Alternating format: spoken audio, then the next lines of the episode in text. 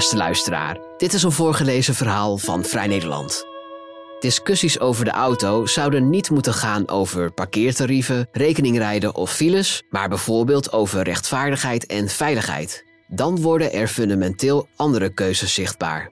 Moeten auto's en snelle mobiliteit wel zo vanzelfsprekend blijven? vraagt Caspar van de Poel zich af. Lou Anna Druivenstein leest voor.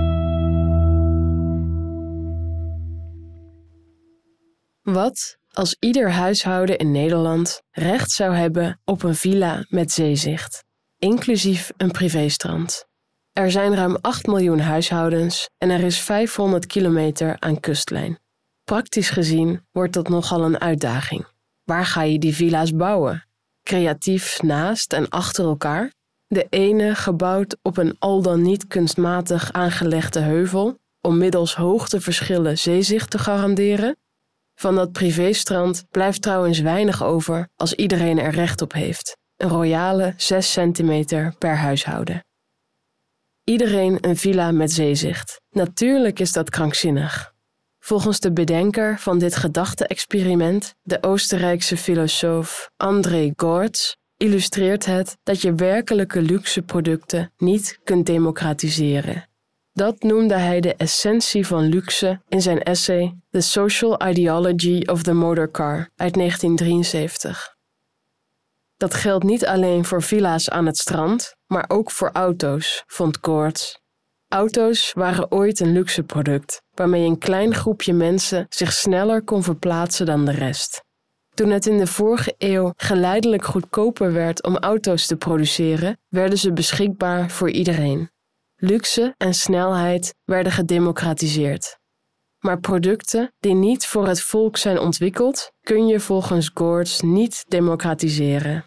Een radio of stofzuiger blijft nuttig als iedereen er eentje bezit. Die vergemakkelijken het leven, kunnen eenvoudig binnenshuis bewaard worden en zitten niemand anders in de weg.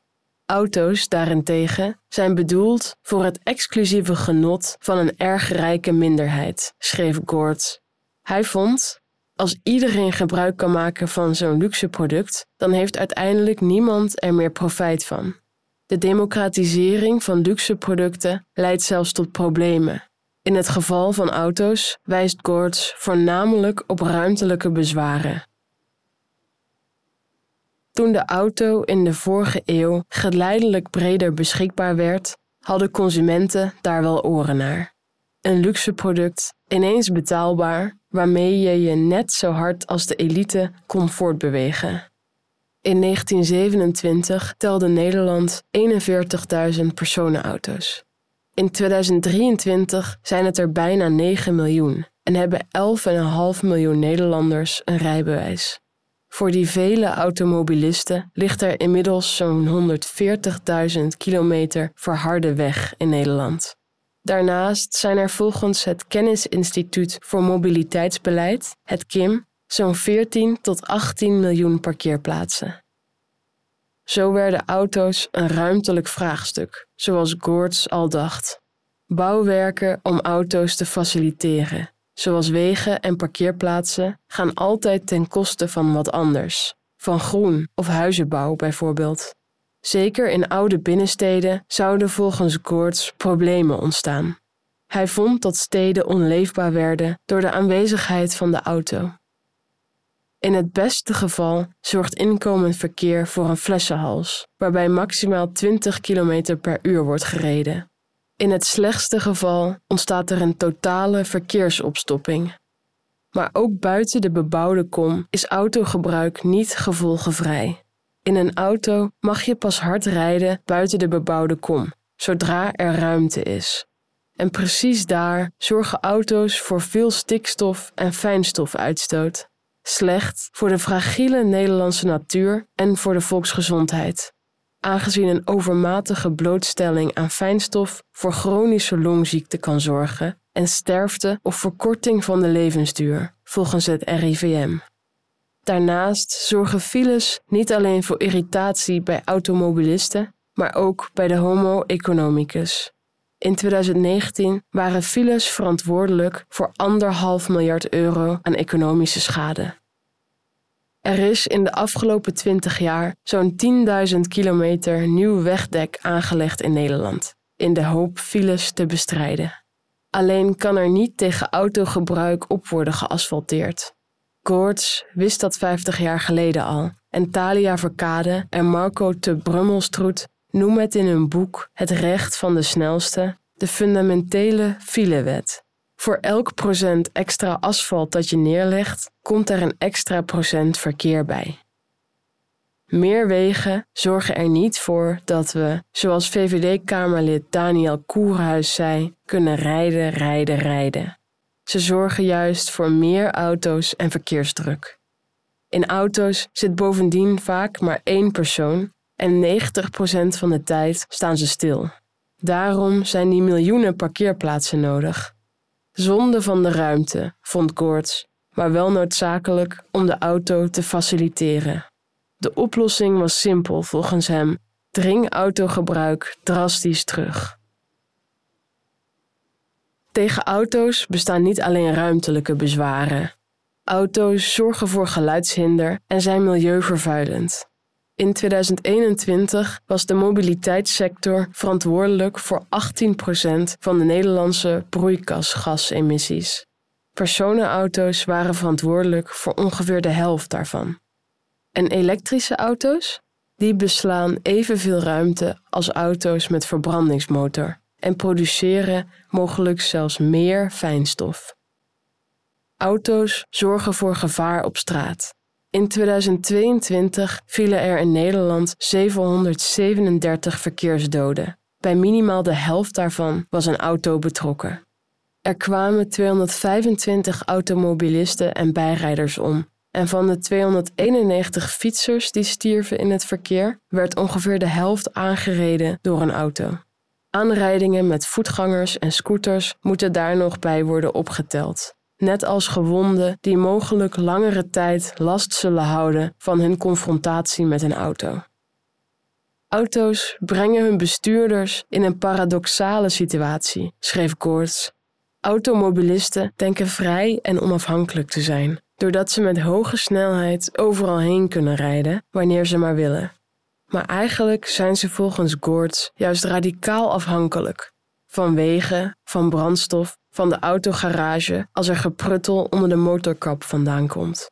Automobilisten kunnen niet zonder derde, vaak commerciële partijen. Nederlanders zijn vol van autogebruik. In 2021 reisden Nederlanders 9900 kilometer per persoon op Nederlands grondgebied. Ruim de helft van die kilometers werd als autobestuurder afgelegd en bijna een vijfde als passagier. 70% van het totaal aantal reiskilometers werd per auto afgelegd. Volgens het KIM was de helft van alle autoritten in 2016 korter dan 7,5 kilometer en een derde zelfs korter dan 5 kilometer.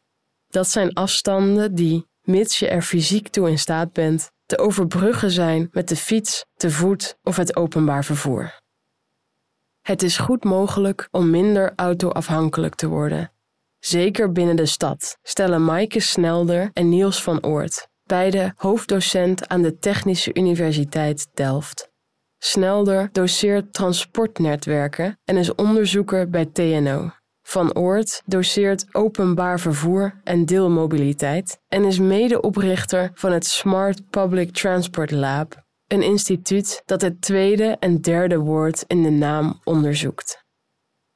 Wil je autogebruik terugdringen? Houd dan rekening met een aantal factoren, zegt Van Oort. Allereerst moeten er fatsoenlijke alternatieven zijn, zegt hij, zodat autobezit niet meer als noodzaak wordt gezien. Alternatieven zijn er, zoals fiets en openbaar vervoer, mits dat betaalbaar wordt gehouden. Daarnaast wordt deelvervoer diverser. Scooters, fietsen, ooit mogelijk stepjes en bieden elektrische fietsen en bakfietsen opties. Vervolgens zal er op gemeentelijk, provinciaal en landelijk niveau wel ruimtelijk beleid ontwikkeld moeten worden waarin de auto geen of een minder centrale rol speelt. Daarna moeten er maatregelen worden genomen tegen de auto, denken beide hoogleraren. Autogebruik moet actief worden ontmoedigd, zegt Snelder. door financiële prikkels als rekeningrijden en hogere parkeertarieven, maar vooral door bepaalde straten en binnensteden voor automobilisten af te sluiten. Wil je autoafhankelijkheid succesvol verminderen, dan moeten veranderingen dezelfde gevolgen hebben voor arm en rijk, zegt Snelder. Van het minder toegankelijk maken van steden voor auto's hebben arm en rijk op papier evenveel last. Anders dan bijvoorbeeld van rekeningrijden of hogere accijns, legt ze uit. Hoe ziet een stad of land met minder auto's eruit? Van Oort pleit voor zogenoemd publiek vervoer, een soort samenvoeging van deelmobiliteit, scooters, fietsen, mogelijk steps en zelfs auto's en openbaar vervoer. Het houdt in dat er in iedere situatie een passend vervoermiddel beschikbaar is, of dat nu een elektrische deelbakfiets is, een trein of een buurtbus. Personentransport wordt geconcentreerd in zogeheten mobiliteitshubs, centrale punten waar vervoer samenkomt en reizigers kunnen op- of overstappen. Snelder denkt dat het per gebied gaat verschillen welk vervoerstype er dominant is. Ze zegt: Binnensteden worden helemaal autovrij. Daar ligt de focus vooral op lopen en fietsen. Steeds meer steden kiezen er overigens al voor om autoverkeer in de binnenstad in de band te doen. In de wijken om de binnenstad heen wordt vooral gefietst of gebruik gemaakt van publiek vervoer, gefaciliteerd door zogenaamde wijkhubs, zegt Snelder. Hoe verder weg het stadscentrum, hoe groter mobiliteitshubs worden. Autogebruik helemaal afschaffen lukt niet, denkt ze. Dus aan de stadsranden komen regionale hubs. Daar laten automobilisten hun auto staan om een reis de stad in te vervolgen met de fiets, te voet of publiek vervoer. Dergelijke scenario's gaan op voor steden. In rurale gebieden waar openbaar vervoer mogelijk verlieslatend is, is een transitie ingewikkelder. Daar, zegt Snelder, hebben auto's nog toegevoegde waarde. Afstanden tot voorzieningen zijn er vaak groter en ruimtelijke problemen meestal minder pregnant. Bovendien is het openbaar vervoer er aanzienlijk minder goed. Het Planbureau voor de Leefomgeving concludeerde vorig jaar dat mensen die afhankelijk zijn van het openbaar vervoer aanzienlijk minder mobiel zijn, zeker als ze op het platteland of aan de stadsranden wonen. Dat openbaar vervoer in kleine steden, dorpen of rurale gebieden ondermaats is, is een politieke keuze, zegt Van Oort. Publiek en openbaar vervoer kunnen ook in provinciale gebieden doelmatig zijn. Het levert financieel alleen weinig op. Van Oort zegt: terwijl het doel van openbaar vervoer, wat mij betreft, niet geld verdienen is. Die louter commerciële insteek baart hem zorgen want dat jaagt mensen de auto in. Het openbaar vervoer in Nederland is al bovengemiddeld duur en die prijzen zullen blijven stijgen. De oplossing is de wortel en de stok, zegt Van Oort. Hij somt op. Maak autogebruik duurder door bijvoorbeeld rekeningrijden en hogere parkeerkosten. Experimenteer met het afzetten van wegen voor autoverkeer, zoals deze zomer de drukke Weesperstraat in Amsterdam. Wat zijn de effecten daarvan op de leefbaarheid en bereikbaarheid in een stad? En investeer in publiek vervoer. Verbeter de bereikbaarheid van het openbaar vervoer en houd ticketprijzen betaalbaar.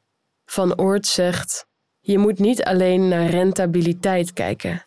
Natuurlijk moet je goed met je belastinggeld omgaan, maar openbaar vervoer levert ook een bijdrage aan duurzaamheid, leefbaarheid en volksgezondheid. Of dat allemaal realistisch is? Van Oort denkt van wel. Het begint met lef, zegt hij, van bijvoorbeeld wethouders die besluiten een straat voor auto's af te zetten. Een succesverhaal noemt hij de Katharijnensingel in Utrecht. Die werd getransformeerd van auto-walhalla tot water met ruimte voor groen en een beetje voor de auto. Van Oort zegt: Als je ermee begint, krijg je er geen applaus voor. Maar als je doorgaat, vinden mensen het uiteindelijk een logische beslissing. Van Oort is hoopvol, omdat hij soortgelijke bewegingen in meerdere steden waarneemt. In autostad Rotterdam wordt bijvoorbeeld onderzocht of de singles kunnen terugkeren in het stadscentrum. Daarvan zouden auto's waarschijnlijk de dupe zijn. Regeringsadviseur Jan Willem Eresman maakte in het AD vast wat geestenrijp door te stellen dat autobezit, zeker in de stad, in de toekomst niet meer vanzelfsprekend is. En Gortz, wat zou hij hebben gevonden van publiek vervoer als alternatief voor de auto? Het zou hem geen volledige oplossing lijken. Net als Marco de Brummelstroet, co-auteur van Het Recht van de Snelste en hoogleraar Urban Mobility Futures aan de Universiteit van Amsterdam. De auto is niet het probleem, zegt de Brummelstroet, maar slechts een symptoom van onze mobiliteitsverslaving. Hij ageert niet uitsluitend tegen de auto, maar tegen de principes onder ons gehele mobiliteitssysteem, dat gericht is op snelheid ten bate van economische groei. Sneller vervoer leidt er niet toe dat mensen korter gaan reizen, zegt hij. Daar is wetenschappelijke consensus over, in bijvoorbeeld de Breverwet. Mensen reizen gemiddeld domweg een bepaald aantal minuten per dag, 70 tot 90. Als dat sneller kan, gaan ze niet korter reizen, maar verder van economische clusters wonen, legt de Brummelstroet uit. Kansarme regio's worden door snellere verbindingen kansarmer. Omdat mensen tot reizen bereid zijn, ligt er haast altijd een kansrijke regio binnen de acceptabele vervoersafstand. Door het economische verkeer trekt die kansrijke regio de meeste voorzieningen aan, zegt hij. Dat geldt voor banen, maar ook voor voorzieningen als supermarkten, bibliotheken, cafés of vestigingen van een bank. Dat auto's en snelle mobiliteit zo vanzelfsprekend zijn, is marktfalen, volgens de Brummelstroet. Hij zegt: Mobiliteit is decennia lang bewust te goedkoop gemaakt. Voor autogebruik betaal je niet de werkelijke kosten vanwege ons economische model. Mensen en goederen snel van A naar B verslepen loont. De werkelijke prijs van autogebruik en openbaar vervoer ligt volgens berekeningen van CE Delft hoger, zegt hij. Want de economische prijs van bijvoorbeeld verkeersslachtoffers en klimaatschade wordt niet meegerekend. Op jaarbasis ontstaat er daardoor een gat van 14 miljard aan kosten waar de samenleving voor moet opdraaien. De Brummelstroet zegt: En dan reken je ruimtegebruik nog niet eens mee. Het gaat slechts over uitstoot en veiligheid. Zou je wel alles meerekenen, dan kun je die 14 miljard makkelijk vervijf of vertienvoudigen, zegt de Brummelstroet. Daarom moeten we afkicken van onze mobiliteitsverslaving, vindt hij. Het belangrijkste is de zogenoemde onderliggende rationaliteit achter snelle mobiliteit bevragen. Dat begint met taalgebruik, volgens de Brummelstroet. Mobiliteit wordt nu uitgedrukt in economische taal. Dat discours moet veranderen. Hij zegt: je moet de tegenstander uitnodigen om jouw taal te gaan spreken. Discussies over de auto moeten niet gaan over parkeertarieven, rekeningrijden of de economische kosten van files, maar bijvoorbeeld over rechtvaardigheid en veiligheid. Dan worden er fundamenteel andere keuzes zichtbaar, zegt hij. Als voorbeeld noemt de Brummelstroet een aangenomen motie in de gemeenteraad van Ede. Alle kinderen van acht jaar en ouder moeten zelfstandig naar school kunnen reizen. Dat klinkt vanzelfsprekend, maar heeft grote implicaties voor de verkeersveiligheid. Wil je die verbeteren, dan delven auto's vrijwel zeker het onderspit, omdat die voor het meeste gevaar op de weg zorgen. Spreek daarom ook niet van autoluwe of autovrije wijken, stelt de Brummelstroet. Hij zegt: Ik liep laatst een rondje door mijn wijk in Ede en daar zijn wel geteld nul helikopterlandplaatsen. En toch is er niemand die die wijk helikoptervrij noemt. Door een wijk autovrij of luw te noemen, blijf je gevangen in het autosysteem. Hoe ze ook worden genoemd, wijken waarin auto's naar de marge worden gedreven, zijn de wijken van de toekomst.